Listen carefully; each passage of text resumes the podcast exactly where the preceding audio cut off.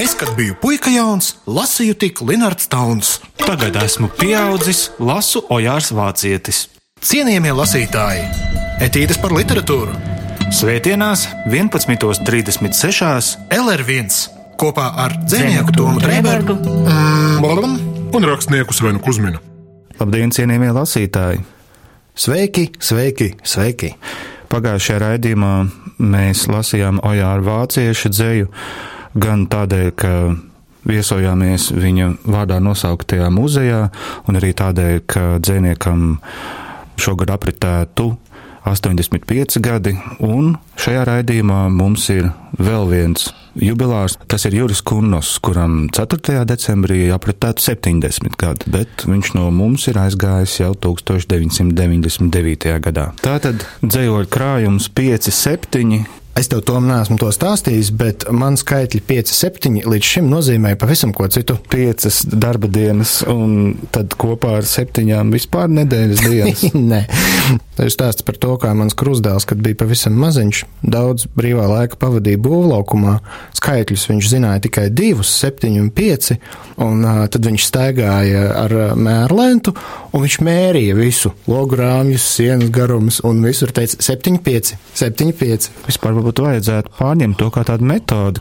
Iedomājieties, cik daudz problēmu atrisinātos, ja visi izmēri būtu tikai 7 un 5. Tur pilnīgi Nevis tur kaut kādas būvinspekcijas un ekspertīzes un plēšanās par plāniem. Tieši tā, nostar visu to 7, 5. Starp citu, arī Juris Kunnas ir mācījies celtniecības fakultātē. Paskaties. Kā tas sakrīt. Kā viss savērpjas, kā kunnas dzējā. Cienījamie lasītāji, ja jūs vēl nenopratāt, tad eh, šodien mēs ar Tomu lasām Jūra Kunnasa krājumu 5, 7. Šajā grāmatiņā, kas ir uh, ļoti patīkamā kabatas formātā un apgādā liesma, ir iznākusi 1987. gadā. Ir um, dzējoļi sākot ar 70. gadu nogali, un tie noslēdzas ar 86. 85. gadu. Un uh, ir, varētu kaut kādā ziņā arī šos te nosaukt par valodas svētkiem vai pat par valodas karnevālu. Nekas tu teiksi valodas, piemēram, salūtu, jo viņam ir tāda eksplozīva brīžiem, ka viņš eh, raksta, raksta kaut ko ļoti tādu vienkāršu un pēkšņi viņam ir tādi uzrāvieni, kas ir, man liekas, tās dzējoļa dzīslas, ja varētu teikt, pa kurām rit tas viss. Mana pirmā iepazīšanās ar Juri Kunnosu bija caur dzējoļu krājumu slēngas pilsētas ielās, kas ir, ja es pareizi saprotu, pēc jau 91. Jā, un tam krājumam jau pats nosaukums, man liekas, perfekti noraksturoja visu to, kā jāsaka, kunnosīgo vai kunnosisko eh, sajūtu, kas iet cauri viņa dzējai, ko es principā nekur citur neesmu redzējis. Latvijā noteikti nē, no pasaules. Nu, varbūt vieglāk viņu ir asociēt ar kaut kādiem beigta dzīsniekiem. Gan slēngs, gan arī vecvārdi, un arī diezgan asi satīriski izmantota krievu mēle, arī latgaliešu valodas ielaidumi. Arī angļu, kas ir Un ļoti angļu. netipiski tam laikam. Lietas, par kurām te nerunāja. 87. gadā jau runāja drošāk. Es nezinu, man vispār ir tāda sajūta, ka šis dzinieks nav no Padomju Savienības. Es nekādīgi nevaru viņu ielikt tur. Kaut kādā veidā viņš pacēlies augstāk pat par to izlaušanos no Padomju Savienības. Gan drīz vai tā, it kā viņam nekad nebūtu no turienes bijis jāizlaužas, jo viņš tur tā iekšēji nekad arī nav bijis viņā. Jā, un pat varbūt ne kādā konkrētā citā geogrāfiskā vietā. Nu, protams, tā ir Ziemeļa Eiropa, tur ir kaut kādas atsauces uz somugru kultūru, uz Latvijas senatni, uz tādu sabiedrības modeli, kuram tā nacionalitāte vai, vai etniskā birka nav nemaz tik nozīmīga, bet tur ir kaut kāda pašpietiekamība tai pasaulē, kura dzēnieka acu priekšā izzūd, un viņš par to brīdina arī lasītāju. Un varbūt um, tu varētu nolasīt fragment, kas man šķiet ļoti precīzi paturpinu šo sajūtu no Intas Čakās recenzijas. Jā, recenzijas virsraksts, starp citu, ir kas dzīvo vārdos. Respektīvi, mēs varam to pavērst arī tā, ka kunos dzīvo vārdos, nevis kaut kādās tur valstīs un pilsētās, piemēram.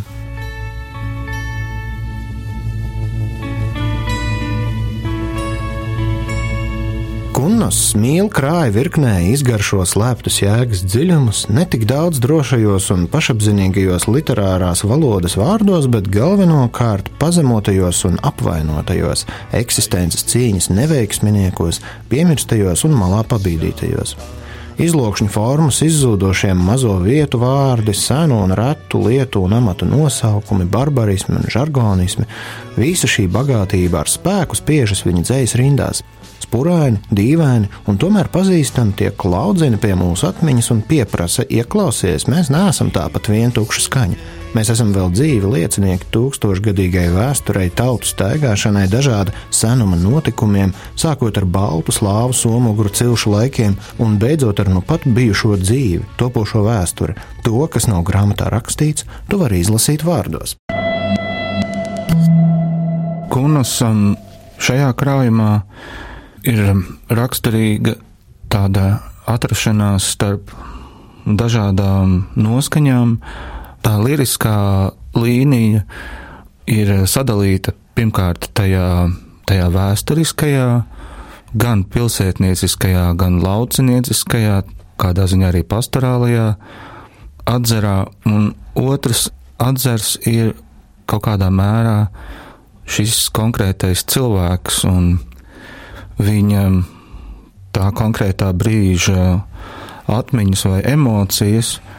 Un, kad mēs pagājušajā reizē runājām par Ojāru Vācieti un par to, ka um, viņa literārajam es lazītājs diezgan ātri paiet garām, jo viņš steidzas ieraudzīt to, ar ko dzēnieks sarunājas, vai arī to ainu, kuru viņš attēlo ar vārdiem. Uh, kaut kādā ziņā arī Kunasam šeit sanāk, varbūt pat nepaiet garām, bet eh, viņu ļoti grūti ieraudzīt. Viņam ir tāds gan informatīvs, gan arī emocionāls vairoks, manuprāt. Vairoks? Jā. Nu, ko viņš pasargā?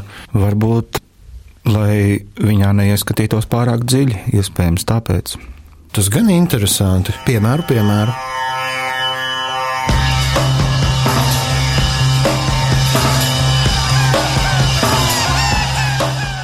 Pēc nelielas pīpauzes, apmēram pieci gadi, tu celies un aicini citus un ņem pie rokas un vadi, un atkal kā ērģeļu stāvi, kā bites, kā jūra zum vadi, un atkal kā klaidoņi stepē aizsoļo karēvju vadi, zem misiņa dzeltenas saules, kas dedzina pantiņu kladi, izsīkst akas un akmeņu kraulī sabirst nākamie pieci gadi un gaudo kā šakāļi, špetni, kā bezdzimtes vēji, kā radi ar saplaisājušām lūpām, ar pirkstu debesīs badi meklēt un atrast to slēpto, to sapnī glabāto kladi, kur juris uz latgaļu žbana nikni cīnās ar zmeju, nu pat ātrāk kā citām reizēm atlido melnie strazdi, palīdz delfīni izķēpt, pildās lestu un plekstu vadi, un atkal aug zāle tais vietās, kur maršēja karēvju vadi, tikai pajautā garām gājējs čivoķibja nāda, no mūsu elpas un skumjas nosarmo telefonu vadi, mēs pīpējam aizgūtnēm, bet vai patiesi jau desmit gadi? Interesanti, ka izmantot vienskaitļu formu lietvārdam skumjas, jo no mūsu elpas un skumjas nosarmo telefonu vadi.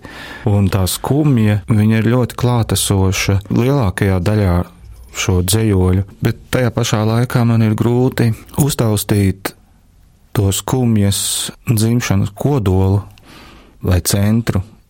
Es jūtu, ka laikam jau tas var notikt tikai tad, kad var sajust starp dažādiem darbiem, ka viņi viens otru komentē. Pat ar uh, vairāk gadu atstarpi. Protams, to visvieglāk varētu nosaukt par motīvu atkārtošanos, bet man gribētos paturēt tādu idealistisku nojausmu, ka varbūt viņš veido tādu dialogu pats ar sevi caur tiem izmantotajiem stāstiem. Ir jau tas klasiskais viedoklis par to, ka dzēnieks raksta visu savu mūžu vairāk vai mazāk vienu un to pašu darbu kaut kādās atsevišķās variācijās, un tas motīva atkārtošanās moments um, lielā mērā, nu jā, tas ir kaut kā dialogs ar um, sevi, kā tu saki, bet vienlaikus tas ir arī Nu, es domāju, tēmas attīstība kaut kāda gluži dabīga, jo, ja jau kaut kāda skumja tevi urda pietiekami spēcīga, lai tu būtu gatavs to pārlikt dzējā, skaidrs, ka viņa tev arī turpina dzīvē sekot pa pēdām, tā kā tāda ēna.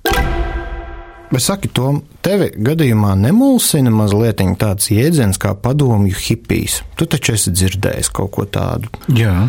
Tevi nemulsina tas pats jēdziens, ka viņš ir tāds tā kā Nu, tā kā viltotais zaķis, apmēram. tā kā it kā ir hipijs pēc formas un satura, bet vienlaikus tāds tā kā apdalīts mazliet, gandrīz vai. Es nezinu, kaut vai atceroties redzētos kadrus no Andra Grīnberga un Intas Grīnbergas un viņu domu biedru happeningiem un performancēm, visa šī kailuma un Renoāra brokastis zaļumos un tam līdzīgi. Man jau šķiet, ka, nu jā, hipija padomju apstākļos tā varbūt drīzāk jāsaka. Tas ir labāk. Juris Kunnas šajā kontekstā arī ārkārtīgi bieži tiek uh, pieminēts kā, nu, Es nezinu, es pieļauju, ka viņš varētu būt kaut kāda subkultūras balss vai ne vēlīnajā padomju savienībā. Literatūras zinātniekiem es pieļauju, viņš vienkārši valodu padara interesantāku un dzējas kopainu, bet, bet, bet, bet subkultūrā viņš paver logu uz kaut ko jaunu, viņš ir tā kā tāds apgaismotāja tēls. Un svarīgs šai ziņā man šķiet viņa dzējolis pop session.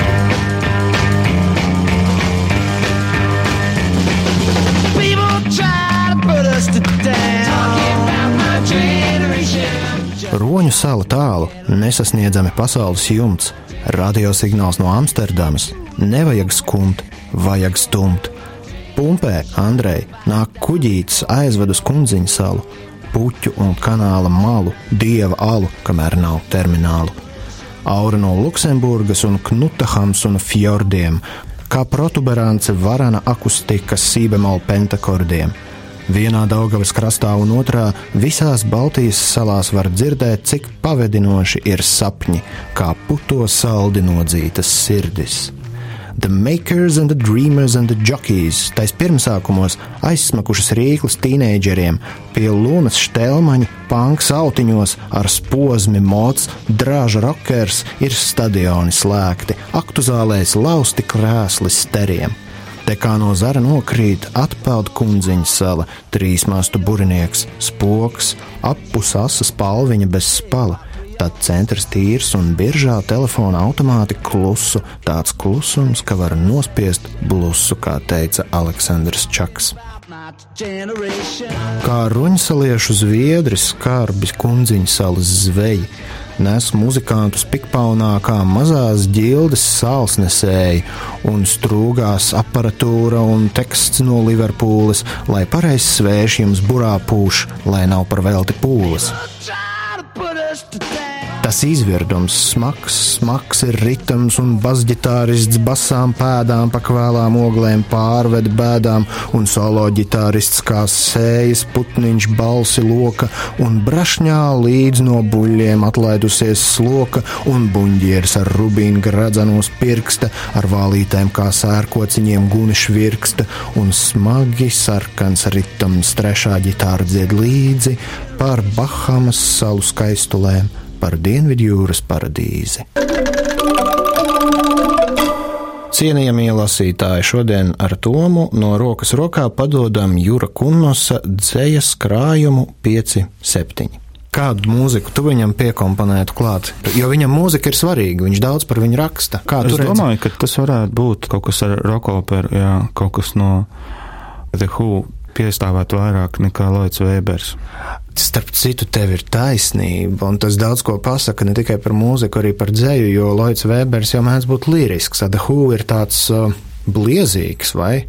Apusas spals, vai kā viņš pats teica? Apusgriezīgs spals vai asmens? Apus, jā, jā, ir baigā enerģija tajā kunasā.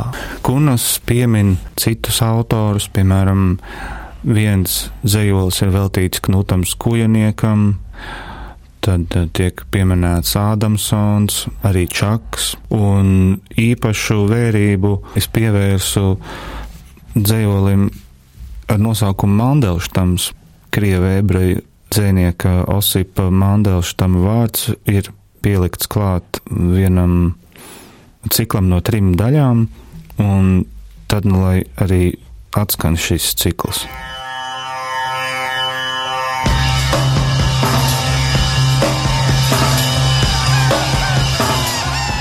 Mandelštams.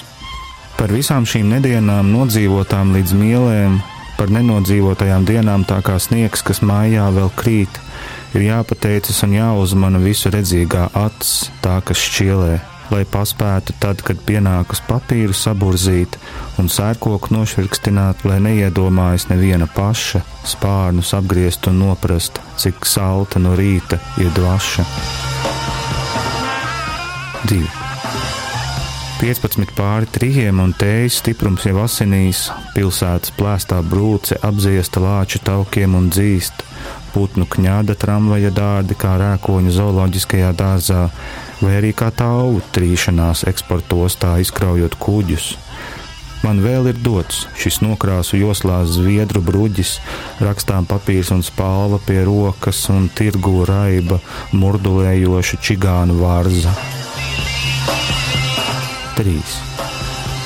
Kas aizvilina sev līdzi vēl tālāk svešumā dzīvē un tilpnē ar krāsainām plandošām kūbām kā apkārt klejojošajiem komediantiem, katrs izdzīvo 99 dzīves, savu paša un svilpē, kad pilnmēnesis vairoks, bet otru pusi, kas zina apslēpta manta un spīguļo uguntiņas vilina katru reizi netveramāk, bet vēl varu smieties un priecāties, mana spalva skrapstoši māca.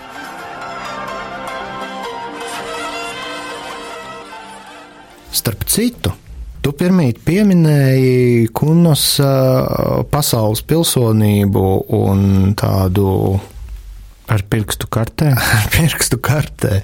Es ieraudzīju šo dzējoli, es iedomājos, ka patiesībā viņš tā kā tāds gaismas ķermenis riņķo ap uh, planētu. Jo, piemēram, šis dzējolis, nu, kaut ko globālāku ir pat grūti iztēloties.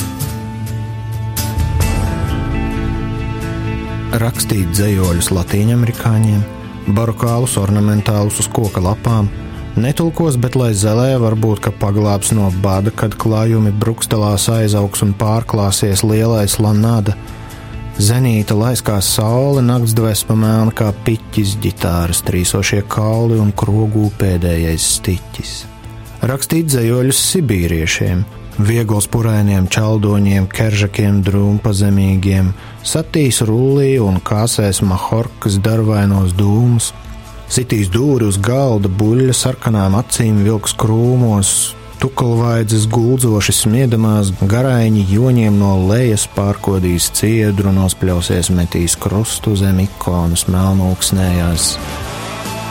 Rakstīt dzējoļus sarkanmatainiem īriem – kliņšainus ezeru dziļus uz apgrabtas priedes mīzes, lai meklē līdzīgos vārdus no kalatu pagātnes, nodreb kā nēģerim sejai krītus ar vici jāviksēs podra.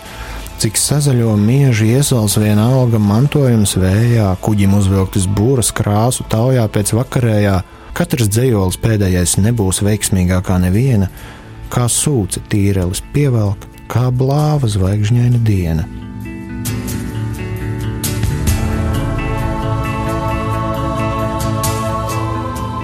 Par tām tukluvēdzēm, kas vilks gultā, atcerējos kājas kalbas, eh, kā es braucu ziemeļmētas lūkoties.